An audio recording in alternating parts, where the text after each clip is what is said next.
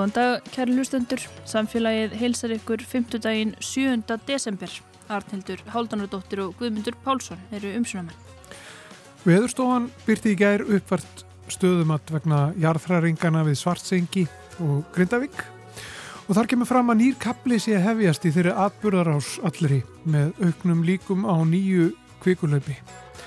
Kristín Jónsdóttir, deildastjóra viðstofunni og jarðskjáltafræðingur er vakin og sofin yfir þessu öllu ásand hópi vísindamanna með línuritt og gröf fyrir augunum daginn út og inn. Hún sérst hjá okkur eftir spástund.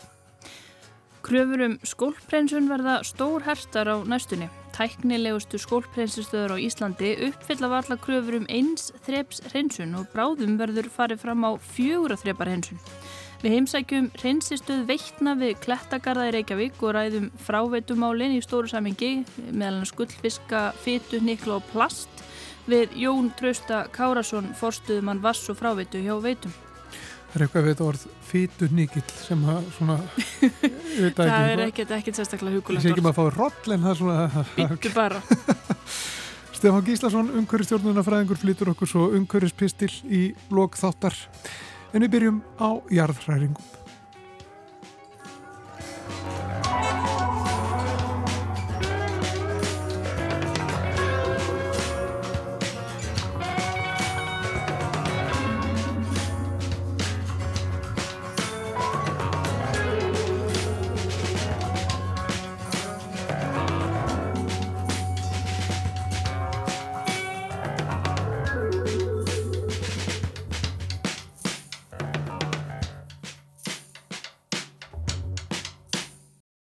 Þá er hún að sérst hjá okkur Kristín Jónsdóttir. Hún er járskjöldafræðingur og deildarstjóri á, á Veðurstofu Íslands, verður velkomin til okkar. Takk. E, Þið voruð að svona mm, senda uh, frá okkur svona uppfært stöðumat, getur maður sagt það? E, í, í sambandi við e, atbyrðuna í kringu Svarsengi og Grindavík. Mm -hmm. uh, Ef að byrja bara að velta aðeins fyrir okkur hvað, hvernig staðan er núna, er þetta að segja það? Er það Er það hugdag sem getur notað? Já. Hver er staðan? Staðan er sem sagt svo að kvika flæðir í kvikuhólf, getur sagt, undir svartsengi og þetta gerist uh, á ykkur tölurveru dýpi og við sjáum enga skjáltaverkni tengda þessu og þetta er bara eitthvað svona flæði sem er ekki mjög rætt en gerist samt jamt og þjætt og, og þarna sapnast uh, fyrir kvika greinilega og við mælum í rauninni landrisasvæðinu eins og við hefum gert í rauninni ítrykkað síðan 2020. Þetta er, má í rauninni segja þetta sé svona sjötta innflæðis tímabilið í svartsengi. Um, kvikugangurinn, það var náttúrulega, hann myndaðist þannig 10. november og fullt af kviku sem fór inn í hann en núna sjáum við ekki lengur neitt flæði frá svartsengi inn í kvikugangin þannig að uh, við teljum mjög óleiklegt að það gerist eitthvað í kvikuganginum uh, nema þá uh, að kvikan í svartsengi finnir sér afturleið og það gerist þá í einhverjum sko atbyrðið að þýðir skjáltavirkni, mikil aflögun og eitthvað sem ætti ekki fara fram hjá okkur uh, eða neinum sem er í Grindavík þetta verður skjáltar fyrir starð um, starð þrýr jafnvel fjórir uh, og kvikan þá aftur í rauninni svona bara hellist þarna yfir í, í kvikugangin um, eins og hún hafi fundið sér leið svona eftir uh, fleka skilunum og spurningin er hvort hún gerir þetta þá aftur og, og leiti þá í rauninni þegar hún mætir uh, eða það sem gerðist í rauninni þegar kvikkgangurum myndaðist þá hellist hún aðna yfir frá svartsengi uh, og yfir uh, bara hreinlega í eins og miðju gangsins og finnir sér svo leið til suðus og norðus eða suðvestus og norðaustus og þetta þetta voru þetta bara þetta svakalur atbyrður sem verður hérna 10. november um, mjög stór gangur eða langur gangur um, 15 km langur um, með við sko í faradarsfellið á 9 km langur. Þetta er, þetta er alveg umtalsvægt starri gangur sem myndast þarna. Og þess að hættan er svo að það fari aftur kvika inn í hann af því þarna hafa myndast sérst veikleikar í skorpunni. Það sem að við teljum uh, samt að, að gerist þá næst um, er að uh, að kvika, hún finnir sér uh, leið aftur inn í kvikugangin en af því að þetta er allt orðið svona sprungi þarna uh, að þá teljum við að þurfi ekki jafn mikla kviku til þess að, að í rauninni að í rauninni getur bara hennilega kvikuhólfið uh, í svartsengi ekki sapna jafn miklu lengur að það, það verður allt brotna svo mikið þannig að hérna, það er líklegast að það muni reynilega uh, sullast að kvika frá svartsengi yfir í kvikugangin uh, áður en uh, áður en að áleika magnísi sapnað aftur saman sem í rauninni þýðir það að næsti atbyrður hann mun líklega bara taka, sér, taka uh, í rauninni bara á nokkra kílometra byli. Við erum mjög óleiklegt að við sjáum kviku aftur uh, fara alveg allan kvikgóngin, heldur einungist hlutans. En ef að þetta gerist, að þá náttúrulega stöndum við aftur fram með fyrir þessari spurningu, er, var þetta nóg til þess að verði elgós eða ekki? Já. Og, já. En er, ef við ímyndum okkur þessi ílátt, sko, mm -hmm. þar sem að, að kvikan er að sapnast undir mm -hmm. svartsengi, mm -hmm. þá er þetta að segja að það er komið leið út úr þessu ílátti sem verður þess að, að það fyllist ekki einmitt, einmitt. Það, og minni já, það, það bara áður en íláti fyllist að hói byrja að renna úr því. Einmitt, nákvæmlega, við getum hugsað bara um fötu og það er komið gatt á fötunni einhver starf hérna, svona spurningi nákvæmlega hvað er þetta gatt ef við vitum það ekki? Er það cirka fyrir miðju eða er það frekar ofalega? Við vitum ekki hvar þólmerkin eru. En, en hérna en við teljum að þau séu mun minni heldur en, en þau voru síðast. og við getum í rauninni skoðað bara færadarsfjall að þar er þetta svipað að hérna að fyrsti uh, atbyrðinu það er 2021 hann er svo langstæsti og, og hérna og gósi sem var þá var lang lengst mesta kvíku sem kom inn í kerfið þá setni gósinu minni. Um, í, í kröplu þá er þetta líka svona að fyrsti Sagt, atbyrðurinn er, er, er langstæstur, mjög langt, 70 km langu gangur sem myndaðist í kröplu og, uh, og allir sagt, gangar í rauninu sem kom í kjölfæri þá voru 20 gangar sem að myndaðist yfir 10 ára tímabill og uh, nýju uh, svona kviku hlaup enduði í elgósi. Já, þannig að það er minni hluti í rauninu sem endar með gósi. Algjörlega Já. og hérna Og við erum líka ekki bara með dæmi frá Íslandi, það er dæmi frá AFAR eldstöðinni í Austur Afriku. Uh, að þar er þetta bara nákvæmlega sammynstur að fyrst myndast mjög langu gangur og svo setna er þetta í rauninni bara hluti af ganginum sem er virkur þá og, og í rauninni bara, ég man ekki hvað var eitt triði, eitt fjóriði eh, eh, 25% tilfella þegar verður kvikurhlaup er hérna mm. uh, urðu elgósist í afar en hérna þannig að já, í, í, það, er ekki, það er ekki þannig, það er með sagt að þó að það verði eins og við sáum núna það er einu var kvikurlaup, hann var ekki elgós um, en kannski mesta hættan á að verði elgós ákvörðat í hérna, samfaraðu þetta kvikurlaupinu Já, en þegar svona það myndast þessi gangur Já. og það fyrir kvika inn í þann gang mm -hmm. kvikan sem er fyrir þar og er mhm. storknuð, vantarlega stórun hluta eða hvað? Já, einhverju hluta, já einhverju hluta eh, það að það er kvika fyrir mm -hmm. í, mhm. í ganginum mhm. það lítur þá að taka pláss, þannig að stækkar þessi gangur þá vikaran eða sapnast bara alltaf meir og meiri kvika í gangi Já, það er alveg, alveg hugsalegt einmitt að hann að þegar kemur meiri kvika inn að þá, hérna, þá vikjan afverði aftur eitthvað smá meiri glöðnun en, en einmitt að það, hérna, uh, það, það er auðvitað, hérna, ef það kemur meira inn í gangin að þá náttúrulega, þú veist, hljóta aukast líkunar á því um, að það verði elgóst nema tóknunin, hérna, og vikunin sé þannig að, hérna, og þannig að drífa aldrei upp en veist, þetta er í rauninni bara ekki vitað, ekki vitað. Getur myndast annar gangur? Já um, en við teljum þetta þú veist, auðvitað er það sviðsmynd en, en, en, hérna, en hún er mjög ólíkleg. Og, og hún er ólíkleg að því að við vitum að þarna hafa myndast þessi veikleikar það er þessi í rauninu hurð sem hefur hérna, er þarna. Og þetta er bara spurningum að, að íta á hana til þess að opnist það svona óleiklegt að, að hérna að, að það fari eitthvað annað við getum samt ekki útlokað og hugsalega þetta náttúrulega var alveg, þetta voru alveg svakalega átök hérna, 10. nógumber og ótrúlega mikið skjáltaverkni og það er náttúrulega hugsanlegt að það hafi, þeir skjáltar hafi, hafi líka brotið eitthvað eins og þá í áttað eldvörpum og þongað og eitthvað sem við áttum okkur ekki nákvæmlega á uh, hvernig, uh, hversu mikið uh, það er brotið en, en já, þannig það, væri, það er kannski svona það sem væri næst líklegast að, að hérna, eldverpin myndi myndi ég telja.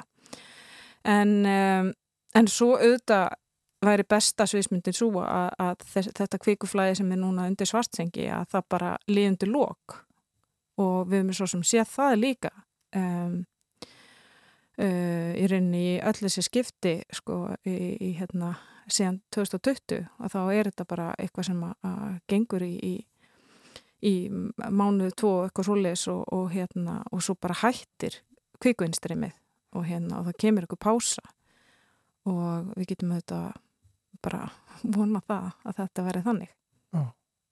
Þið tala um að, að það sé að vera kaplaskil mm -hmm. í rauninni mm -hmm. a, a, í, í þessari atbyrgarás mm -hmm.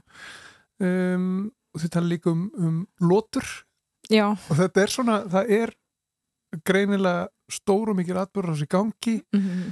e, það verða svona atbyrðir mm -hmm. svo uh, líða þeir undir lok mm -hmm. en, en næsti getur verið handað á þannig Já, einmitt, við erum svona að reyna að miðla þessari óvissu uh, en, en líka sko þessari þekkingu auðvitað á svipuðum um, umbrotum sem við einmitt vitum að endur taka sig.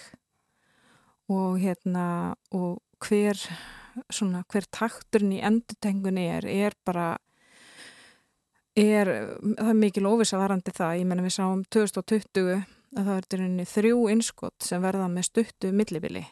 Að þau eru öll í rauninni þrjú innskott sem að 2020 sem að eru á bylinu hvað var að loka í janúar fram í júni, júli því tímbili verða þrjú innskott um, og svo gerist ekkert fyrir 2020 ári síðar um haustið.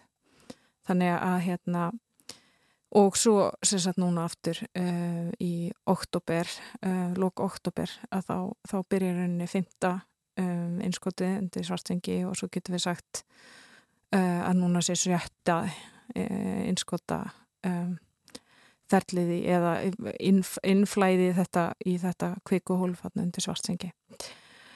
Og svo hérna auðvitað er þetta þetta er, við erum alltaf að tala um kviku sem fer inn í járskorpuna, sapnast eitthvað fyrir, hleypur svo eitthvað annað í einhverjum átökum og sumir sem er ferla, það er svakalega læti, mikil, mikil skjáltavirkni, mikil aflögu sem fylgir því og aðrir ferlar eins og til dæmis þessi sem er í gangi núna, það er mjög lítil skjáltavirkni núna á svæðinu.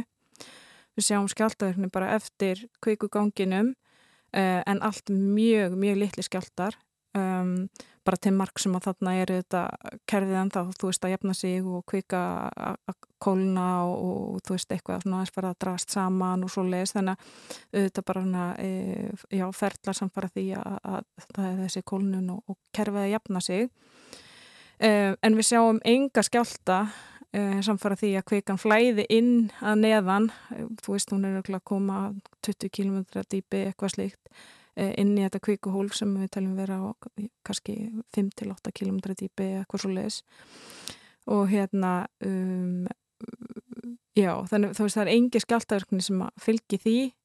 Um, og hérna það er helst bara þegar landrisið þegar hérna það er orðið svona ákveði mikið að þá þá er svona líklegt að fyrir maður að sjá aftur kannski aldrei dreifða virkni tengda því og hérna þannig að það er náttúrulega líka eitt sem að, að ef þetta heldur áfram mun þá eru gerist í framhaldinu og fer aftur að kika inn e, svona dreifð skjáltaverkni eins og við sáum í rauninni í tengslu við öll þessi landrisferli mm -hmm. Það er mikil óvisa mm -hmm. uh, í krigum þetta mm -hmm. og eins og þú segir sko þetta getur bara kona niður og bara hætt mm -hmm. í mhm. rauninni mm -hmm. um, engar síður þá eru svona sko ef kemur til gos þá er ákveðin staðar sem er líkleri en aðrir ekki satt, mm -hmm. það mat hefur ekki breyst eða hvað, með þessu nýja þessu uppfara stöðumætti hjá okkur þeir eru ennþá, væru ennþá að horfa á svipa stað á kvíkuganginum og, og var svona talað um fyrir nokkrum vikum síðan e, Já, við, þú veist, það er við erum að tala um kvíkugangin og hérna og uh, akkurat hvar eða hvernig næsta kvíkulaup verður Um, við vitum það ekki, það getur vel verið að, að það fari allt til norðus eða, eða suðus eða það sé þessi veikliki þarna í rauninni á þessum gatnamótum getur við sagt þar sem að, að e, kvikan frá svartsengi mætir kvikuganginum og við höfum verið að Og fer þaðan í báðaráttir í rauninni? Það er líka þar sem að Við hefum séð sko gangurinn er víðastur og, og, og örgulega, þú veist, tekur það á lengstan tíma fyrir hann að storkna þar. Þannig að það verður auðvitað að teljast mjög líklegu staður en, hérna, en það er erfitt samt að, að segja þetta núna þegar þessi atbyrður ekki, hefur ekki orðið. Mm -hmm. En svona eins og við segjum, þú veist, takturinn í þessu verður vera að við erum að tala í, þú veist, einhverjum vikum, þú veist, hugsalega mánum eða, eða árum að við erum, eins og ég segi, við erum síðan 2020 þá er, þá er þetta eða, 2020 verða verða í rauninni þrjú svona kvíkursöfnarna tímabil 2022 er eitt og, og núna er komið tvö þannig að hérna það er svona rithmin í þessu og auðvitað er það að segja okkur eitthvað svona um tíðinina í þessu kerfi. Mm og þeir fylgist mjög náið með náttúrulega, það er búið að koma hana fyrir alls konar mælum og, og tækjum og, og, og þið náttúrulega bara horfið á þetta alla daga, bara daginn og daginn. Já, við erum sérst með sólaringsvakt og höfum verið með eh, til fjölda ára og hérna þannig að það er alltaf uh, manneskja sem uh, er á nóttinni og kvöldin og það er, ef svo manneski veika þá er, hérna, er manneskja bakvægt þannig að við erum alveg bara með mjög fullkom, fullkomið sko, eftirlitskerfi þannig og, og svo eru auðvitað vísindamenn sem er í dagvinnu uh, og svo auðvitað ef að hérna þegar það er mikið um að vera að, að hérna, þá leggjast allir á eitt og ekki bara við á viðstofunni heldur uh, verið auðvitað mjög miklu og góður samstarfi við vísindamenn uh, í hérna, Háskóla Íslands og í hérna, vísindamenn í Hás Orku líka sem að sem hafa verið tekið virkan þátt og taka virkan þátt í, í þessu samtali og það er auðvitað bara rosalega mikilvægt að því að þú ferði gegnum langt nám og, og lærir eitthvað, þú veist, um járskjálta eða um aflöfun og eitthvað, þannig að þú veist, þetta samtal að tólka allir þessu gögg saman það er, það er það sem skiptir máli og hérna og komast að einhverju skynsalegri niðurstöðum um hvað, hvað er líklegt og hvernig þessi kerfi virka. Já, eru íslenski vísindamenn, er þetta bara með því betra sem að, sem að fyrir finnst bara í heiminum, í rauninni sko. er þetta að því við búum á svona stað og þessir atbyrjur eru alltaf að verða við eigum fullt af frábæru vísindafólki Erum við besti heimi? Ég er ekki, kannski, kannski ekki alveg við besti heimi en erum við, við erum nógu góð, að kosti Já, við erum auðvitað hérna, með mikla reynslu og, og hérna og uh, við erum uh, já, þú veist, auðvitað höfum upplifað mismunandi hluti en hérna við erum auðvitað með fólk sem að stóði hérna í kröpluöldum sem að teka virkan þátt núna og er að miðla þeirri reynslu.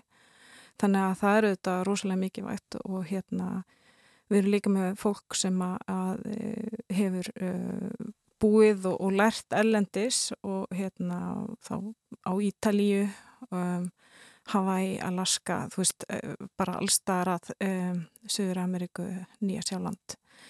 Þannig að það auðvitað skiptir líka máli að, hérna, að uh, við séum ekki bara að hérna, nýta okkur uh, það sem við hefum lært hérna heima, heldur að við séum virkilega að að skoða hvað hefur gerst og hvernig, hérna, hvernig eldstöðar, hvernig það er hagar sér og hérna, þannig að það er auðvitað mjög mikið öll en, mhm. hérna, en auðvitað, ég menna þegar það eru svona þegar svona mikið virkni að þá læri maður að sér hratt. Og hérna þetta eru auðvitað þetta eru auðvitað rosalega áhugavert fyrir okkur að, að sjá að sjá svona mikla virkni á svona stuttum tíma og, og sjá hvernig þetta byrtist allt í, í kognunum okkar. Og, og alveg ljósta, þú veist, við við munum alveg þurfa hjálp líka frá kollengum ellendis að, bara komast í gegnum það að skoða þessi gögn og, og meta þau. Já, og það var margar greinar skrifaðar, vantarlega. Já, nei, algjörlega. Kristi Jóstóttir, uh, Jarskaldafræðingur og deildastjóri á Veðarstofu Íslands. Uh, takk fyrir komuna í samfélagið. Takk fyrir mig.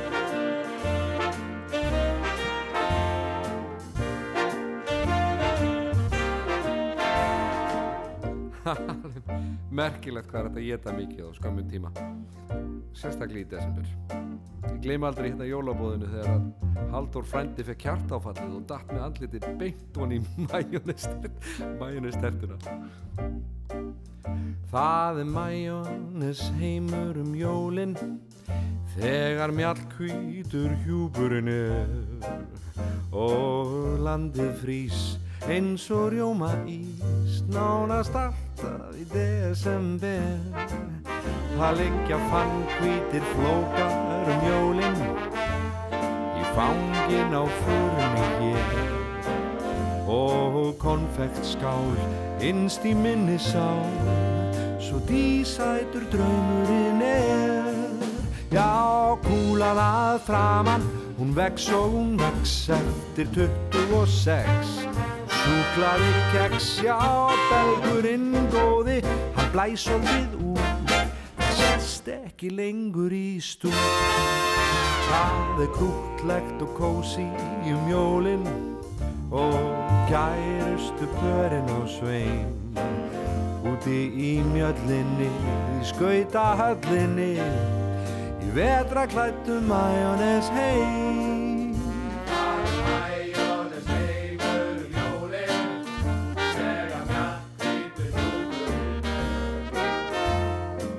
Landið frýs eins og rjóma ís alltaf í desember. Það er svankveitir tókar um jólinn í fangin á föðunni og konfektskál innst í minni sál svo dísætur draumurinn er. Já kúlan að framann Hún vex og hún vex eftir 26 Súklaði keks, já, belgurinn góði. Blæs og við út, það sérst ekki lengur í lítinn stúd Það er grútlegt og kósi um jólinn Og kærustu pörinn á sveim Út í mjöllinni, í skautahöllinni í vetraklættu mæjónes heim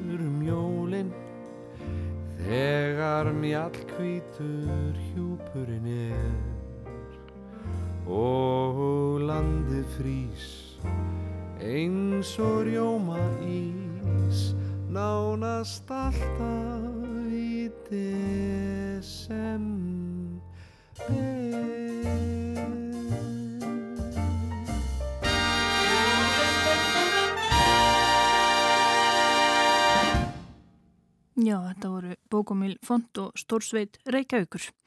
En þá ætlum við að fara í heimsókn í reynsistöð veitna við Klettagarða í Reykjavík. Við erum komin hérna í, hvað kallar þetta?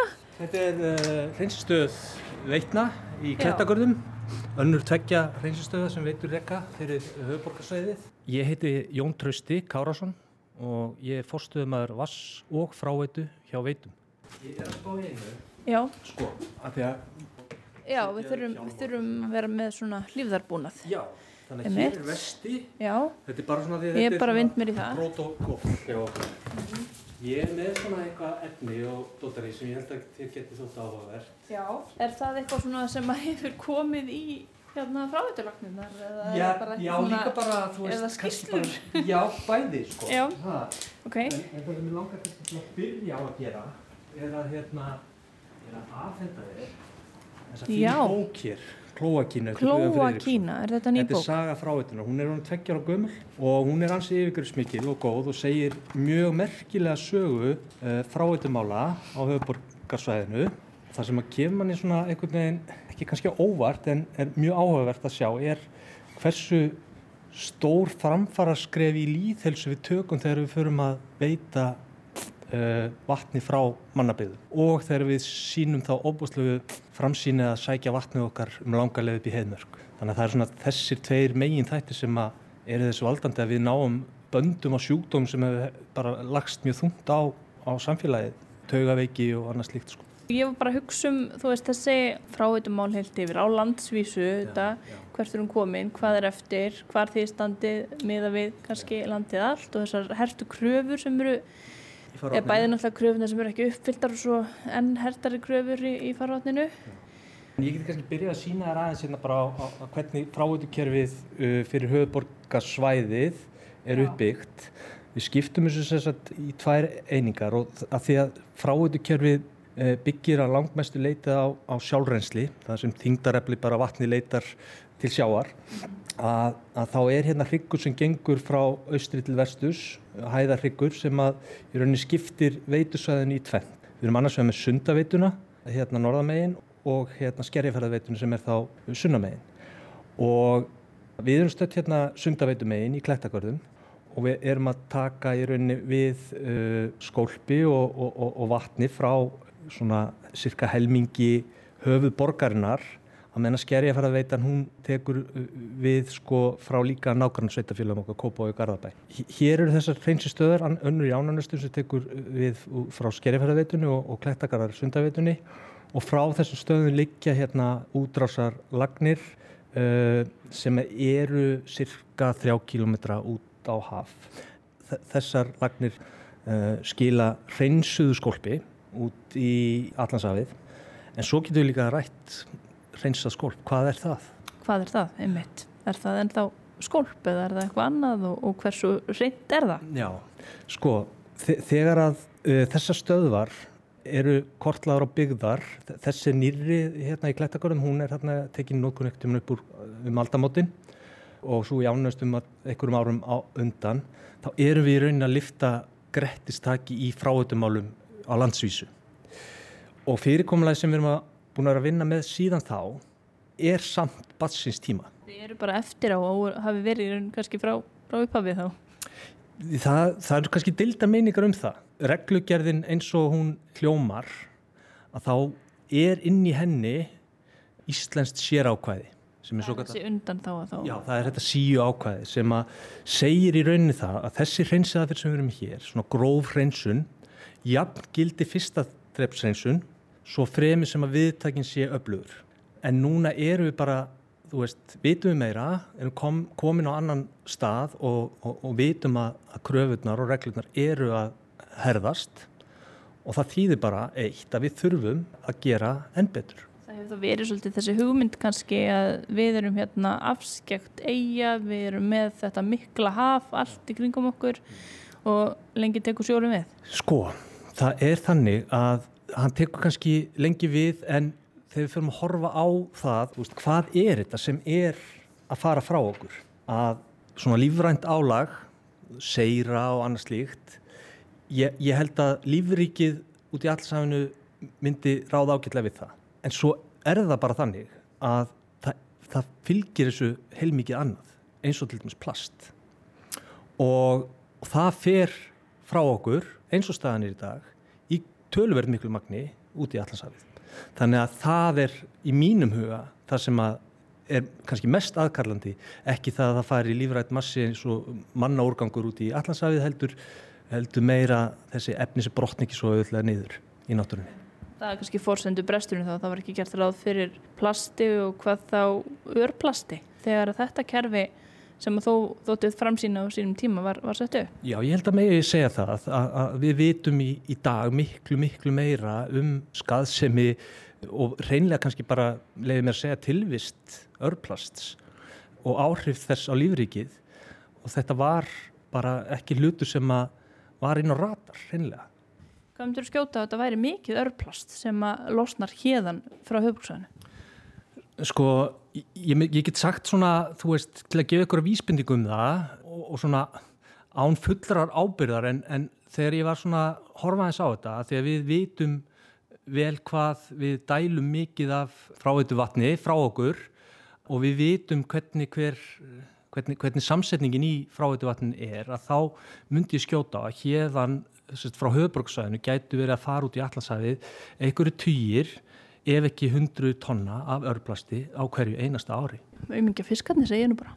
Já, þetta er ekki gott. Það er mikið svunum til að gera betur en, en það, það eru við eh, einhugum að við ætlum að gera. Þegar maður hugsa um fráveitu eða skólp þá er það aðalega svona klósett úrgangur sem að kannski, en þetta er miklu fleira. Þetta eru holræsin, já, nýsluvatnið, baðvatn og, og vatnur uppþóttavélum og, og þóttavélum, allt þetta líka. Já, þetta rennur að stórleiti uh, hingað til okkar. Þetta er mjög áhugavert að við getum kannski sagt svona til þess að fólk fá einhverja tilfinningu fyrir hlutföllum að af þeim vassmassa eða massa sem rennur hérna í gegnum stöðunar okkar þá er cirka þriðjungur af því skolp, það er að segja það sem er sturtunur og klóstunum okkar. Uh, restin er síðan sko, það sem við kallum óviðkomandi vatn, óvið, ó, óvelkomið álag, við getum áraðað þessum þannig. Og við erum búum svo vel hér á landi að við höfum aðgengi að, að heitu vatni sem við notum og heilmikið af því sem að rennur til okkar hérna er bara bakvatn hittaveitu og við sjáum það þegar að mjög kallt er í veðri að þá ríkur hérna upp úr kerfunum okkar. Nú svo er líka heilmikið af, af vatni sem fellur að himnumóan sem að fer þessa leið líka rennur á gödum og, og þetta er allt saman leitt í pípum hingað og það er svolítið sko, hér eru þessir endapunktar erum að tala um þessar tvær stóru leiðir eða e, riggi sem, sem að vatnið fer eða skolpi fer hingað en svo erum við að tala um bara endalust af lögnum er þetta bara hvert og eitt hús er tengt við einhverja stærri lögn sem er svo tengt við stærri lögn og svo framvegis? Já, heimilin eru tengd við svo kallar samlagnir í fráðukerfinu. Þá eru við, við rekum kerfið upp að lóðamörkum, afhendum fólki tengingu við kerfin okkar. En allt saman, þú veist, er þetta bara eins og æðakerfið okkar. Veist, þetta, þetta, þetta hefur þetta er allt, hangir allt saman á einn eða annan hátt sko. Við erum stött í hjarta þess kerfi svantalega núna eða hvað? Eða, eða livrinni, ég veit ekki kannski á ekki að fara oflangt í einhverju anatómisku líkingu Ég var eiginlega komin annar staði anatóminu en allt í læg, við getum alveg lítið á að þetta sé lifurinn en hér allavega er þessi hreinsun sem að, já, þannig að köllum það lifurinn Já, ef við að kíkja eitthvað á, á þessa, hérna, ég, ég kom með hatt og komin í vest það er engin klemm á nefi sem að fylgjir með Nei, en það er líktinn ótrúlega en satt ekkit einhvern veginn eins og maður kannski myndi ímynda sér þegar maður fyrirfram hugsa til þess hvað er hér verið að gera.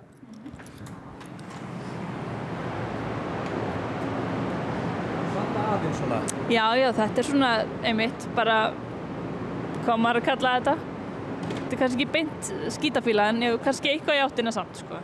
Hér eru þessar síjur þar sem að við í rauninni bara leiðum vatni sem kemur hérna í því er fullt af rusli, blöðklútar til dæmis og alls konar dót sem að á ekkert erindi í fráhættukerfið og hefur verið í sögulegu samingi verið að valda okkur bara talsverðum vandræðum. Þetta verða svona niklar og, og þeir stýpla hérna hjá okkur öll kerfin og, og það sem gerist þá er að þá þurfum við bara uh, að því ekki viljum við að, að þetta rati upp hjá fólki þannig að þá höfum við í rauninni engan annan valkost en það þegar kerfi hérna uh, stoppar að þá verður, verður að hleypa framhjá og bara beint út hérna í, í, í, í fjörukampin. En hér er hérna til dæmis svona það sem er kallað fytuklumpur. Þetta er bara fyta uh, sem hefur sapnast saman og þetta er í rauninni sko að því við vorum að tala um anatómíuna og svona samlíkindi með henni og því sem við erum fástu hérna. Þetta getur verið svona típisk svona kransaðastýpla. Þetta er ekki geðslegt að horfa á. Það er sko, ég held fyrst að þetta væri bara eitthvað grjót. En svo þegar maður skoðar þetta nánar þá er þetta svona meira eins og einhvers konar kísil, þetta er svona, já, já, kransaðast í blá og svo stengst út úr þessu tannbursti sem ég er búin að enginn eigi nokkuð tíman eftir að þurfa að bursta með aftur. Spurning hvort það sé eitthvað fleira hérna sem maður sér. Já, annar tannbursti og hér er mér að segja falskar tennur. Já, já. Þetta er alveg hámark viðbjóðsins hér. Já, þetta er ekki geðslegt. En skemmtilegt hvernig þeir eru búin að stilla þessu samt upp sem svona einhvers konar listaverki eða síningagrip. Já, þetta er svona, þetta er svona, já, þetta er svona skúldur en þetta er svo gott að geta haft eitthvað svona fyrir augunum til að sína fólki hvað það er sem við erum raunverulega fást við hérna. Þannig að svona stykki til dæmis getur rétt ímynda okkur hvaða áhrif getur haft á þann búna sem við erum með hér í gangi. Að hér eru dælur og, og fluttnings svona sniglar sem flytja efni frá. Þú veist, þeir er ekki sábúna er ekki hanna til að flytja svona stykki sko Þetta er eitthvað sem að, einmitt, ruslið það sapnar þessari fytu í sig þessi fyta væri ekki vandamálum að ekki væri fyrir blöðklútana og allt sorpið er það? Nei, sko, jú, hún gæti alveg gert það einu sér sko uh, af því að fyta hefur þá eiginleika að hún getur svona uh, breytt um hvað við að segja, fasa, verið fljótandi við ákveð heitasti og svo getur hún sagt, storknað, storknað já, já. þannig að fyta er líka bara stort viðfánsefni hérna hjá okkur og það sem er áhugavert í þessu og við erum í, núna að stíga svona ákveðin skref í áttina því að hugsa meira í ringrás og fyta sem fellur til bara á heimilum og í fyrirtækjum uh, sem er notið til dæmis til matagerðar hún á bara alls ekki heima í niðurföllunum og þess vegna tókum við saman höndum með sorpu og erum núna farin að bjóða upp á móttöku á, á afgangsólju úr, úr eldúsum til dæmis og það er herrferð sem við fórum í sem heitir Orkan úr eldúsinu við erum að hvetja fólk til þess að sapna afgangsólju saman og komin í, í aframaldandi vinslu hjá, hjá sorpu. Af því að þetta er auðlind og þegar hún er komin hingað því við þurfum að veiða fytuna hérna á þessum enda, enda. Og í dag er þetta uh, algjörlega verðlaus afurð. Við þurfum að komin í, hérna, í brennslu hérna frá okkur og svo brennsluleið sem við höfum í dag er ekki að ringra á orkunni af því að við erum að fást við marga tugi tonna fytu frá þessari, þessum stöðum hér sem við erum með á ári hverju. Ættalega er þetta leiðin sem að ólíjan fer á flestum heimilum, leif ég mér að fulla það í dag að fólk er bara með matarafganguna og, og eða svona allavega það sem er fljótandi og skólar bara úr því niður um niðurfallið í vaskinum. Og svo meira segja, sko, hefur maður heyrt núna eftir að fara að sapna lífrænum úrgangi að sumur eru komin með svona kvarnir og taka matarafganguna bara og, og hérna hakkað á ofan í fráðslukerfið. Já, og ég get alveg skilið það að fólk líti á það sem sniðuðan valkost en út frá viðfarsefnum sem við erum með hérna í þessum fráutukerfum okkar að þá mælust við engan veginn með því að, að slíkar lausni séu notaðar. Það sem fólk, er mikilvægt að fólk gerir sér grein fyrir að, að það á sínar lagnir út af loðamörkum og það ganga um þær með þessum hætti er bara bjóða hættinu heim upp á að hérna, bara reynilega verði tjón á heimilum fólks. Og svo eru hérna með einum einn alls konar uh, rusl sem hefur farið onni? Já, þetta er svona dó, dótakassi. Hér eru alls konar hlutir sem fólk hefur greinlega, ég ætla að leiða mér að segja á fullir að misti í klósettið. Þetta er svona, það er þekkt að fólk missir síman úr rasvasanum og hér eru greiðslukort þeir eru ekkert að hafa samband við og mér séu aukurskýrtinni. Og gómar og hjálpatæki ástæðlífsins og hvaðina sko. Og pleimugallar, einhver börn sennilega ætla að lifa kvöldunum að synda. Já, og það er nú gaman að segja frá því sko að, að eins og ég hef nú í það minnst að heyrt söguna þá segja mér mínir samstagsæðalar að, að, að það hefur verið hringt inn í þjónustu verið veitna og, og, og spurst fyrir um eitthvað sem fór í klósti, ég man nú ekki nákvæmlega hvað það var, hvort það var símtæki eða, eða hvort það voru gómar eða eitthvað sem viðkomandi var að velta fyrir sig hvort að við getum, værum með eitthvað svona tapafundið hérna hótt. Já, því að við ekkert, ekkert spáði í því að verða við því, en það er rándýrt að láta sér smíða svona góma. Já, einmitt. Ég... Hversu... Já, hversu geðslegt það er. Ég allavega myndi ekki vilja setja gómanna sem hafa farið þessa leið upp í mig aftur. Sama hversu vel reynsaðir er væru, sko. En hér eru við sérst bara, já, fyrir framann stórt mælaborð með grænum ljósum. Þetta er vantilega það sem stýrir þessu kerfi hérna, reynsilína, þrepassía, pressusnýill, ímislegt hérna sem er hægt að virka. Já, ég sko, ég myndi ekki segja ég treysti mig til þess að operera þetta mælaborð.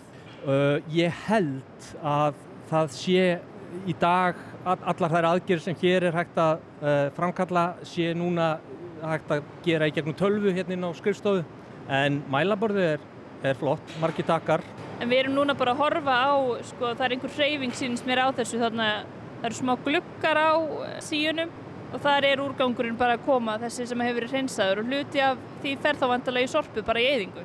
Það Já. sem fer ekki út í sjó, það er hreinsunni sem á sér stað, ekki satt? Já, þarna eru við með í rauninni alltaf fasta efni sem að e, svona upp á ákveðnum stærðamörkum sem við föngum þarna. Þetta er í rauninni bara rusla síja. En svo rennur vatni hérna eftir rás í gegnum þessa síjur og yfir í svo kallega fytu skilju sem er stærra rými og það sem gerist þá er að það hægist verulega á reynslisraðanum og þá fellur sandur að mestu uh, í botnin og fytan flýtur upp og síðan í rauninni bara fleitum við fytun ofan af og, og, og, og tökum sandin að neðan og þaðan rennur vatnið sjálft inn í útrásarhólf þaðan sem þið séðan dælt út í allansafið og sko þessar reglur sem að koma frá Evrópusambandinu, þessi tilskipun, þessi stöð, uppfyllir hún þær alveg eða á hún látt í land? Hún uppfyllir eh, ekki aukna kröfur. Þetta er, þetta er í rauninni eh, bara það sem við kallum grófrinsun. Þetta nær ekki fyrst... Eitt þrepp? Já, en nær samt eiginlega ekki fyrsta þreppinu. Nær ekki fyrsta og þetta, kröfurnar eru í rauninni, það eru gerðar kröfur um tveggja eða þryggja þreppa, er það ekki, reynsun? sko í, í nýju reglugerðinni þá er jafnvel hort fram á það að við getum farið, þurft að vera að fara upp í fjörðaþrepp þar sem við erum að hreinsa livjaleifar og annað slíkt. Þannig að það er, við erum ansi langt frá þeim veruleika og í rauninni er, er fjörðaþreppið sem reglugerðin hverður áum hvergi orðina raunveruleika. Og þetta er stó sko svo stöð og veitur hérna á höfbrukarsvæðinu með bestu skólprensi stöðarnar og, og búnaðin á, á landinu. Þannig að það undirstrykkar kannski hversu slæmt þetta er við annar staðar. Það sem þetta fer ég að fer bara algjörlega óhreinsað út í sjó og ekkert endilega það langt frá, frá ströndinni. Já, við erum vissulega kannski göngum svolítið undan öðrum hérna kollegum sem er að fást sömu hluti. Og það sem við höfum með okkur í því er að við, það er stórt samfélag sem er á baki þessum framföru sem við stýðið og get, við getum svo sem kannski alveg skili það að þetta, þetta er óbúslega kallar óbúslega mikla fjárfestingar, stórar og þungar fjárfestingar. Og fyrir minni sveitafélag get ég svo sem alveg syndi skilninga að þetta sé erfitt. En það er hérna stundum bara þannig að, að lífið er erfitt og þá þarf einhvern veginn að vinna með því. Þetta er ekki sammála því að þetta sé bara eitthvað sem er hægt að íta frá, þetta sé ekki forgangi og þar alveg er hægt að bara komast hjá því að fara í þessar rándýru aðgerðir? Það er ekki mín skoðun, ekki mín persónulega skoðun og ef við horfum bara hérna á, á, á suðausturhóttnið að ég, ég held að væri mjög óskinsamlegt ef að hvert sveitafélag sem hér hefur aðsettur fær einhvern veginn alltaf að leysa þessa þraut hvert í sínu hotni. Þannig að ég held að stórverkefni eins og það er að uppfæra uh, hreinsimannvirki frá einna uh, fyrir höfuborgarsvæðið sé þess eðlis að það verða að vera eitthvað svona samtakamáttur og hérna við erum bara byrjuð núna að horfa aðeins til þess hvað, hvað getum við gert, hvernig getum við gert þetta af því að það að uppfylla kröfunar að kallar á alveg óbúslega mikið landflæmi þetta eru stórar einingar sem þarf til þess að að hreinsa með þessum hætti sem þarf til þess að uppfylla þá nýja reglugerð Miklu stærra heldur en þessar hreinsistöðar sem hefur verið byggðar hér núna? Markvallt stærra. Uh, hreinsistöð af þeirri stærðagráðu sem að uh, þjónar svipa stóru samfélagi í Danmörku. Ég man ekki, ég held að þessu 30 hektarar undir þar og það verður samt að hafa í huga sko að, að þau eru bara að reynsa skólt, þau eru ekki að reynsa hittaveitu vatn og, Þau, þau eru cirka að taka eitt þriði að því vatni sem við þyrtum að vera að reynsa þannig að það að ná árangri í því að, að, að vera ekki að reynsa vatn sem að þarf kannski ekki, reynsunar við eða má reynsa með öðrum hætti getur kalla blákarinn og óaslausni náttúrulega reynsun þar sem vatn í rauninni er ekki veitt um rör heldur bara niður í jarðveginn þar eru stór tækifæri fyrir okkur þegar við horfum fram á það að þurfum að fara að byggja hér stór mannvirki undir fráhætturhensun. Af því að það getur verið, það getur verið týjir ef ekki hundruður miljardar sem að þar er undir sko.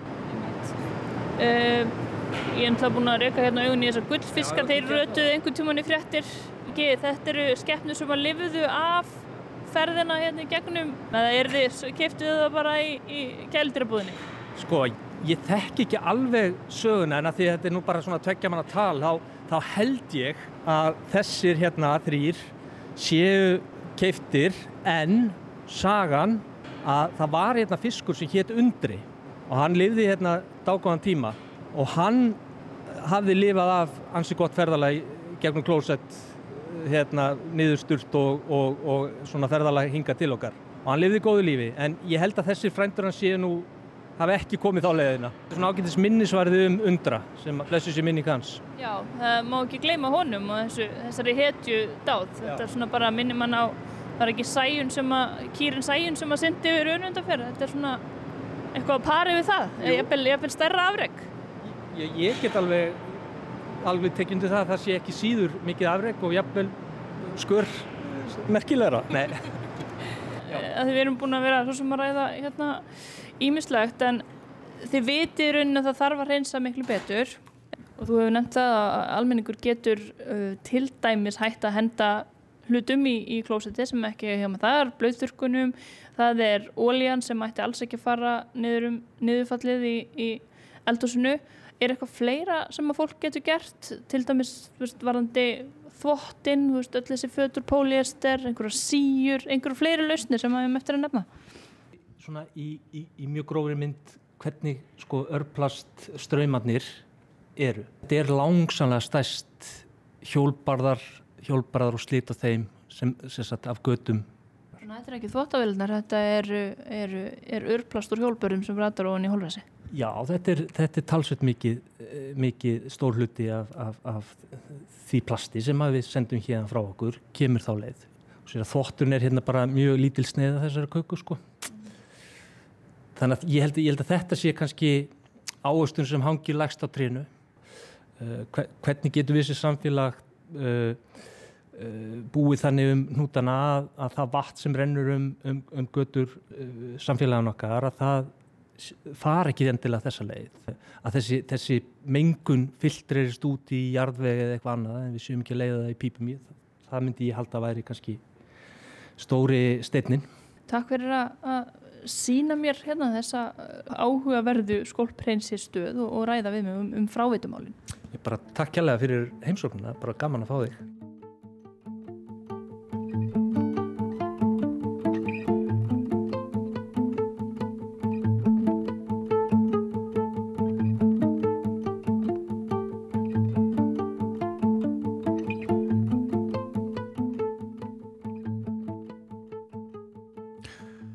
Næst komið að umhverfispistli er í samfélaginu. Það er Stefán Gíslason sem tekur við. Flest okkar hafa líklega orðið vörfið að þessa dagana stendur yfir í Dubai aðildaríkja þing lofslagssamning saminuð þjóðana eða með öðrum orðum fundurinn sem í dagluðu talið kallaður COP28. Þetta er nefnilega 28. aðildaríkja þingið eða Conference of the Parties og þess vegna þessi skamstöfun COP. Á þessum þingum hittast fulltrúar ríkjana sem eiga aðeldarsamningnum til að reyna að koma sér saman um markmið og aðgerðir til að koma í vekk fyrir að lofslagssamferra mannavöldum fari endalegur böndunum. Á hverjum degi berast ymsa fréttir frá fundinum í Dubai sem ímist vekja bjart sín eða svart sín hjá þeim sem láta sér lofslagsmólin varða, sem nú orðið eru reyndar hér um byrja allir jarðarbúar. Þetta eru úr samilegt vandamál sem ekki er hægt að leysa nema einhver samstaða náast um löstinnar. Í þessum pisl er ekki ætlurinn að gefa yfirlit yfir öll þau fyrirheit sem þjóðarleitóar hafa gefið í Dubai síðustu daga, nýja heldur að greina hversu langt þessi fyrirheit skilu okkur fram á veginn ef staði verður við þau öll. Hér verður sjónum hins vegar beintað einum litlum hlýðarviðburði sem fylgtur aðeldaríkja þingum margra síðustu ára. Þetta er aðfending viðurkenningarinnar Fossil of the Day eða steingeringu dagsins sem samtökjum Climate Action Network aðfend á hverjum degi ráðslefnunar þeirri þjóð sem hefur sínt mestan tvískinung og staðið sér að öðru leiti verst á ráðstöfni þann daginn. Þessi viðurkenning einkennist eðlimálsins sangkvæmt á kaltæðni og án þess að ég hefi kynnt mér að sérstaklega grunar mig að þjóðarleitóar mæti ekki endilega í verðunaveitinguna. Áður en lengur er haldið rétt að viðurkenna að steingerfingur dagsins er ekki alveg nógu góð þýðing á fossil of the day því að orðið fossil vísa líki jarðelsniti sem kallast á einsku fossil fuel.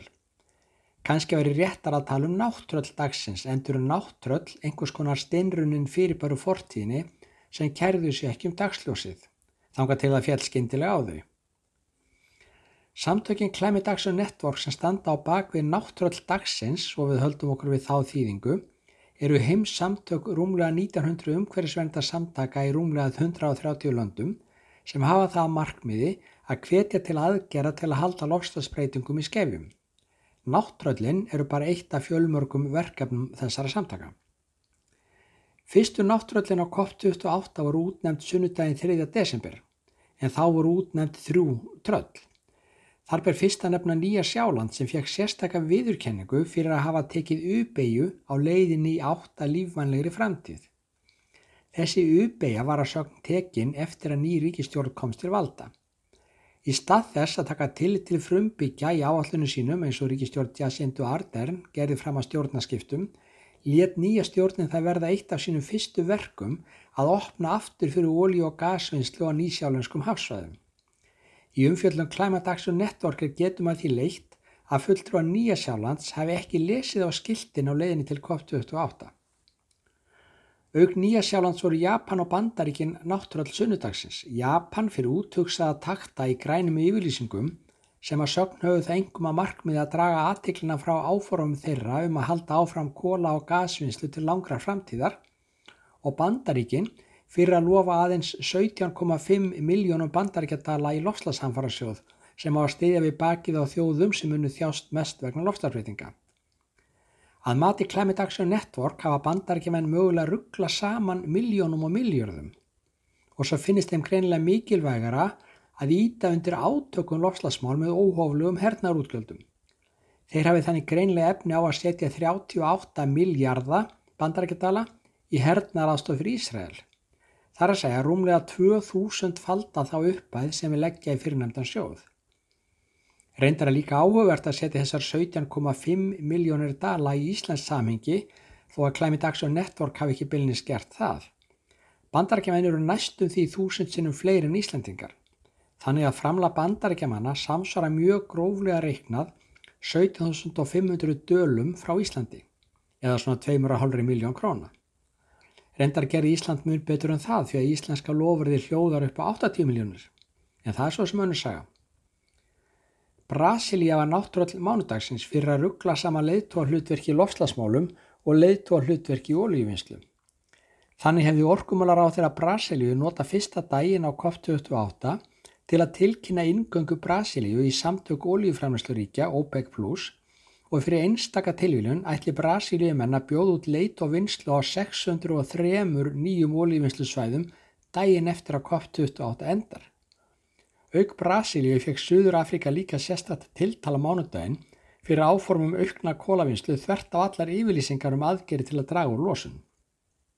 Bandaríkin voru á nokkur svafa náttröll þriðjudagsins að mati Climate Action Network, enda séu Bandaríkin stærsti ólí- og gasframleðandi heimi og um leið stærsta útlutningsland þessara afurða. Þess að standa á bakvið meira enn þriðjung allra áformað um aukna ólí og gasvinnsli heiminum. Auk þess hefðu bandaríkinn grafið undan möguleikum COP28 á að ná samkómalagi um útförsun jarðaelsnitis með því að vilja að samkómalagi nái aðeins til þess elsnitis sem ekki verður kólumninsjafna með fengun og förgun. Alberta fylgi Kanada naut sem þess vafasama heiðurs að vera útnefnd náttúröld dagsins í gær. Aðal náttúröldlið að mati Climate Action Network var fylgistjórin Daniela Stíl sem er sögð það var gert sitt besta til að koma í vekk fyrir að Kanada tæki sér stöðu með þjóðum sem vilja fasa út jarðarsneiti. Að mati Climate Action Network er COP28 ekki rétti staðurinn fyrir fólki lokslasafnutun eða fyrir stjórnvöld sem hafa látið það viðgangast mánuðum saman að eiturefni lekjúti drikja vatn frumbyggjarsamfélaga án þess að svo mikið sem segja þeim frá því. Norúur fekk líka sérstakar tilnefningu gær eða öllu þetta áminningu fyrir að hafa svindlað á prófunum. Oljuvinnsla á djúpsæfi valdi óbætarlegum skemdum á hafsbótnunum og vistkerfum hans hver sem tilgangur vinslunar annars er. Noregur hefur greinilega glemt góðum ráðum mömmu sinnar, ekki stökka fram að klettunum þó að vinirínir hefur gert það. Aðhafi norðmanna hafi vittakar afleðingar því að þeir gefi tónin fyrir slæma hegðun í alþjóðlegum samningavirðaðum. En kannski ámaða bara vera bjart sitt hversu mikið sem öll þessi náttúrall flækjast fyrir. Núna eru allavega 80.000 manns í Dubai að tala um náttúrlasmál. Lítur það ekki að skila einhverju? Það er bara verst að hlaupið í átt að betri framtíð er svo litið eins og marathonlaup. Þú vinnur ekki hlaupið ef þú sefur yfir þig og mætir ekki á ráslínuna fyrir en klukkutíma áður en markinu verður lokað. Það var Stefán Gíslarún sem að flutt okkur þarna umhverjur pistil. Já, einn af mörgum. Einn af mörgum, já. Við þurfum að fara að tellja pislarnas, Stefáns. Þeir eru orðnar ansi margir. Já, en ekkit ofmargir samt. Nei, nei, nei, nei. Alls ekki. Og margir eftir. En uh, með þessum pisli Stefáns Gíslasonar ljúkum við samfélaginu þennan fymtu daginn. Já, við verðum hérna aftur á morgun. Samfélagi. Heyrst á. Verið sæl.